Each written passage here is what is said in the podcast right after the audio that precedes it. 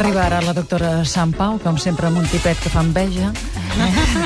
Sí, sí. Faig el que puc com tothom. No, que pot com tothom. Vostè, és clar, fa trampa, que s'ho sap. Té més informació sap. que ningú. Bueno, clar. jo, jo sempre dic a les, a les persones que conec, la diferència és que sé dietètica, i això és el que intento que la gent sàpiga dietètica. La, per què les dietistes estan primes? Perquè tenen més voluntat? No. Perquè tenen millor genètica? No. Perquè saben més dietètica? Avui n'aprendrem. Hem dit que començàvem la dieta dilluns. Dilluns, sí, sí, és sí. aquest avui dilluns parlem. que comencem. Tant. Per tant, avui que és divendres prenem notes. Encara no. Encara no. Un cap de setmana. Tenim un cap de setmana per fer paelles. I, I jo començo amb dos restaurants, eh? Ara m'he Va, inspirat. a quins restaurants anem, Va, Mary Jo? a veure si tenim l'aprovació de la doctora. I anem a Elite, eh? Anem a Elite, a l'Hotel Me. Sabeu que hi ha el restaurant Dos Cielos, que li van donar una estrella, que són els germans, que són bessons, els Torres, que fan una cuina de fusió en Brasil, que els hi va molt bé amb el restaurant Enya al Brasil. Doncs ara s'han inventat un altre espai a sota de l'hotel que es diu Dos, i que fan una cuina de l'àvia. O sigui, una cuina de parola, no? Que hi ha allà llenties, arrossos, que no té res a veure amb el que fan a dalt.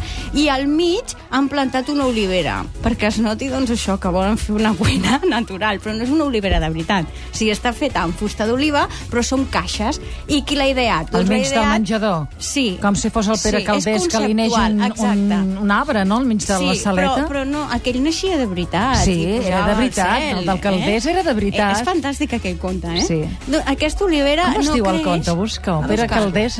Eh, Olivera, el no, no, menjador. no, és, és un arbre, és un Era arbre, no és una olivera. Aquest tindrà olives, però com encara no és època, se les penjaran al setembre. No, és maco, eh? I L'arbre que- domèstic. L'arbre Molt bé, domèstic. molt bé, molt sí, bé. Aquest és un arbre públic, no? Perquè és un menjador, diguem, públic, obert a tothom. L'ha ideat la Lucía Dominguín Bosé, que és la filla de Lucía Bosé, i el Carlos Trintancho, Tristancho, que no sé si us en recordeu que era un actor que va estar set anys casat amb la Assumpta Serna, que l'hem vist a la Quinta del Porro, a Pepi Lucibom, o sigui, és d'aquells que diu l'Òscar dels anys 80, no? Els que recordem aquella època, doncs ara l'hem recuperat i he de dir que juntament amb els Bosé tenen aquell, aquell famós monestir, restaurant, hostal, Rocamador, a Extremadura, no? que recuperen també molt la tradició culinària, ecològica, sostenible, tota aquesta història Anem bé, tan no, vital doctora, de moment? dia. No, no, de moment bé, Sostenible, oi? I podem menjar llenties i arrossos i tot això, tenim la Coses promoció, boníssimes per eh? la salut, sí, sí. Doncs això aquí. I després s'ha renovat totalment el Tragaluz que és, Ah, és molt un bé. restaurant mític de Barcelona ja, que té 22 anys i li tocava fer-se un lifting. Llavors, doncs, què ha passat? Ahir va haver una inauguració que hi havia com 200 persones, molts cuiners. T'he de dir que el japonès, que està just davant, tornarà d'aquí unes setmanes a dintre del Tragaluz, com era originàriament, que hi havia una barra de japonès. Hi haurà també una barra d'ostres i vaig veure molts cuiners. Vaig veure, per exemple, la Carme Ruscalleda, que m'ha explicat que tota aquesta situació del Japó, evidentment, li està preocupant moltíssim, que la gent catalana del seu equip ja ha tornat a Barcelona, que en aquests moments s'ha quedat allà la gent que, que és del país, i també he parlat amb el Joan Roca, m'explicava que en principi no hem de patir pels productes que estan arribant aquí, perquè hi ha un gran estoc, i, i de fet molts dels cuinets d'elit compren les algues a Galícia, uh -huh. vull dir que molts, molts d'aquests productes no venen ni tan sols del Japó, o sigui que tranquil·litat entre la població no? pel que puguem menjar aquí. I en Joan Roca, eh, Sílvia, que sona com un possible número 1 de la llista top 10 de, de tots els restauradors del món, la llista restaurant. Per sobre del propietari del Bulli. Mm, El Bulli ja ha caigut, va caure l'any passat, recordem que va guanyar aquell noi danès, el René Redzepi, i ara ell diu que no, eh? Diu, no, no, no, jo no, jo no. Però, a veure, estan sonant campanes que en aquesta famosa llista de la revista Restaurant que es dona el 18 d'abril, possiblement seria el nostre Joan Roca el número 1, eh? O sigui que trobo que, que això és important de destacar. I això que et deia dels perruquers abans que vaig veure va ser ahir, que ja et dic que hi ha moltes festes a Barcelona aquests dies, eh? es nota que s'acosta Sant Jordi. Es presentava un llibre que el tindreu dilluns, en parlareu en profunditat, jo només faig l'apunt, que és Paraules d'amor, que l'ha fet el, la Roser Amics i el Víctor Amela, que m'han jurat que el Víctor Amela ha treballat, eh? Que no només Que ha dir que posat la aquesta cara... és la notícia? Sí, la Ja notícia li és que no, que no Oh. penseu que el Víctor Amela ha posat la cara només, eh? Sinó que diu que sí, que sí, que ha recollit són 101 persones Ja, conegudes ja, ja. de Barcelona que han escrit sobre amor. Han escrit o han posat fotografies, perquè, per exemple, hi ha la Nani Marquina que ha posat una foto a la seva filla donant-li pita al... Que és molt al- maca, aquesta fotografia, Sí, eh? és preciosa aquesta Hi ha foto. dues eh, que noies sí, que han posat la foto de, del seu fill, de la Sí, seva l'altra és filla. la Sílvia Amunt, Sí, precisament. amb mamant, sí. I l'Alberton, per exemple, para, parla de desamor, però bueno, tot això ja t'ho explicaran. Jo et dic que va ser un festorro, perquè realment hi va anar moltíssima gent, i, i bé que ja s'anuncia que ve Sant Jordi. Correm, correm, perquè si no no em donarà La temps Madonna, de, de parlar de la dius de la Madonna. Madonna? parla- passant amb Madonna? Doncs Madonna, saps que tenia un projecte meravellós a Malawi, amb una fundació, que Ah, havia Malawi. d'invertir 11 milions d'euros en fer una escola per nenes? Doncs bé, tot això s'ha anat a Norris, perquè portem ja molts mesos, els diners han desaparegut 3 milions d'euros, no se sap on estan, i ella doncs ha desistit, ha dit que com la situació és la que és, mm, doncs bé, aquest rentat d'imatge, que era fer una fundació, tenir una fundació i crear aquesta escola per 400 nenes, no pot tirar endavant, que prefereix donar els diners a ONGs que saben, coneixen el terreny i que poden invertir realment en llocs on, on hi faltin escoles, perquè de fet la que volia fer era un lloc on no hi ha nens, o sigui, imagina't el projecte com Volia era, fer no? una escola en un lloc on no hi ha en nens. un lloc que sembla ser que és una zona que no hi ha població infantil. Mm. I, a- I a més havia de ser una cosa elitista, també Ja, per ja, 400... Només nenes. O sigui, una cosa molt estranya i molt apartada de la realitat del territori, crec jo. que passa que ja saps que s'havia de rentar una mica la imatge d'ella perquè va adoptar dos nens irregularment, que no complia totes les condicions que s'han de complir per adoptar Molt bé, parlarem país. del Justin Bieber I que l'FBI la, també La està persegueix. estudiant els comptes d'una altra de les seves fundacions a veure què ha passat. Ai, eh? ai, ai, ai, ai. Sí, ja Deixa'm sentir la... Sí.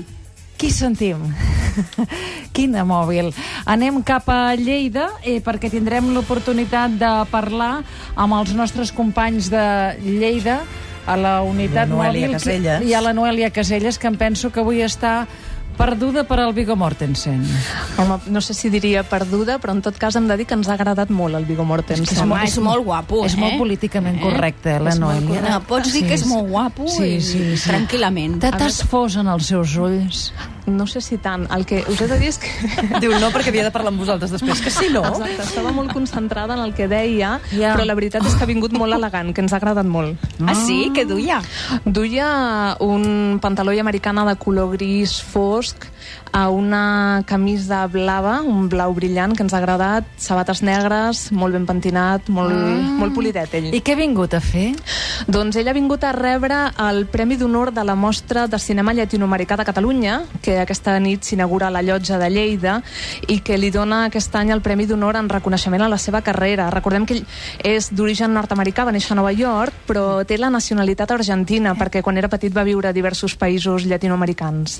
Em penso que l'hem gravat, li podem sentir la veu a Noelia, en saps alguna cosa? Sí, eh, entre les coses que ens ha explicat us en destaca un parell. Eh, La setmana que ve comença a rodar per primera vegada l'Argentina, com dèiem, el seu país d'adopció.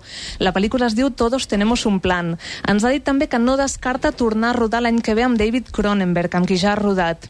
I una cosa que ens ha agradat molt és que ens ha dit que s'atreviria a rodar en català, ara, Oh. que segurament un director intel·ligent li donaria un paper amb poc text. Això ens ha dit. I sobre el guardó que rep aquesta nit i sobre la mostra ens ha dit això que ara sentim. Pero sí me parece que es muy importante un, un festival, una, una muestra con- como esta, porque hay muchas películas que, bueno, como saben, todo lo que ruedan allá es, eh, digo, en Latinoamérica, es bastante difícil eh, salir de, un, de la región, digamos. Perquè aquest senyor és nord-americà, però parla amb accent al castellà sud-americà, eh? Exacte, amb accent argentí. Argentí, és clar, És perquè mig argentí, mig, mig danès. nord-americà. Sí, I- ell- I mig danès, també, sí, Sí, no? quan era petit va viure a diversos països, entre ells Dinamarca i Argentina. Escolta, i no t'ha dit res de la pel·lícula Superman, que sona ell com un dels actors? No, no ha comentat no? no? res. Quan li hem preguntat, preguntat per projectes, ens Sí. ha dit només aquesta pel·lícula argentina, que és una coproducció espanyola-argentina, i aquesta possibilitat de rodar amb Cronenberg una altra vegada. Ens ha dit Ja. que no tenia cap més projecte cinematogràfic, mm. a banda de tot el que és la seva editorial, perquè ens ha dit que hi està molt dedicat i que li interessa moltíssim aquest tema. Aquest senyor el coneixem molt per haver fet el Senyor dels Anells, per exemple, però quina senyora està a prop d'ell? Ah, Mary això ho saps tu, no? També. Noèlia. Sí, l'Ariadna Gil. Gil. No ha vingut. no ha vingut l'Ariadna. Nosaltres, aquí a la sala on s'ha fet la roda de premsa, no l'he- no l'hem vist, ni a l'hotel,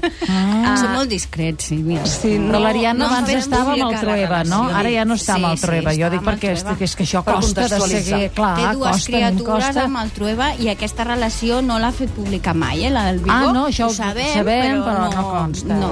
Noelia, gràcies. A vosaltres, Amb el Vigo. Mortensen i ens Que el hi hem disfrutis. fos.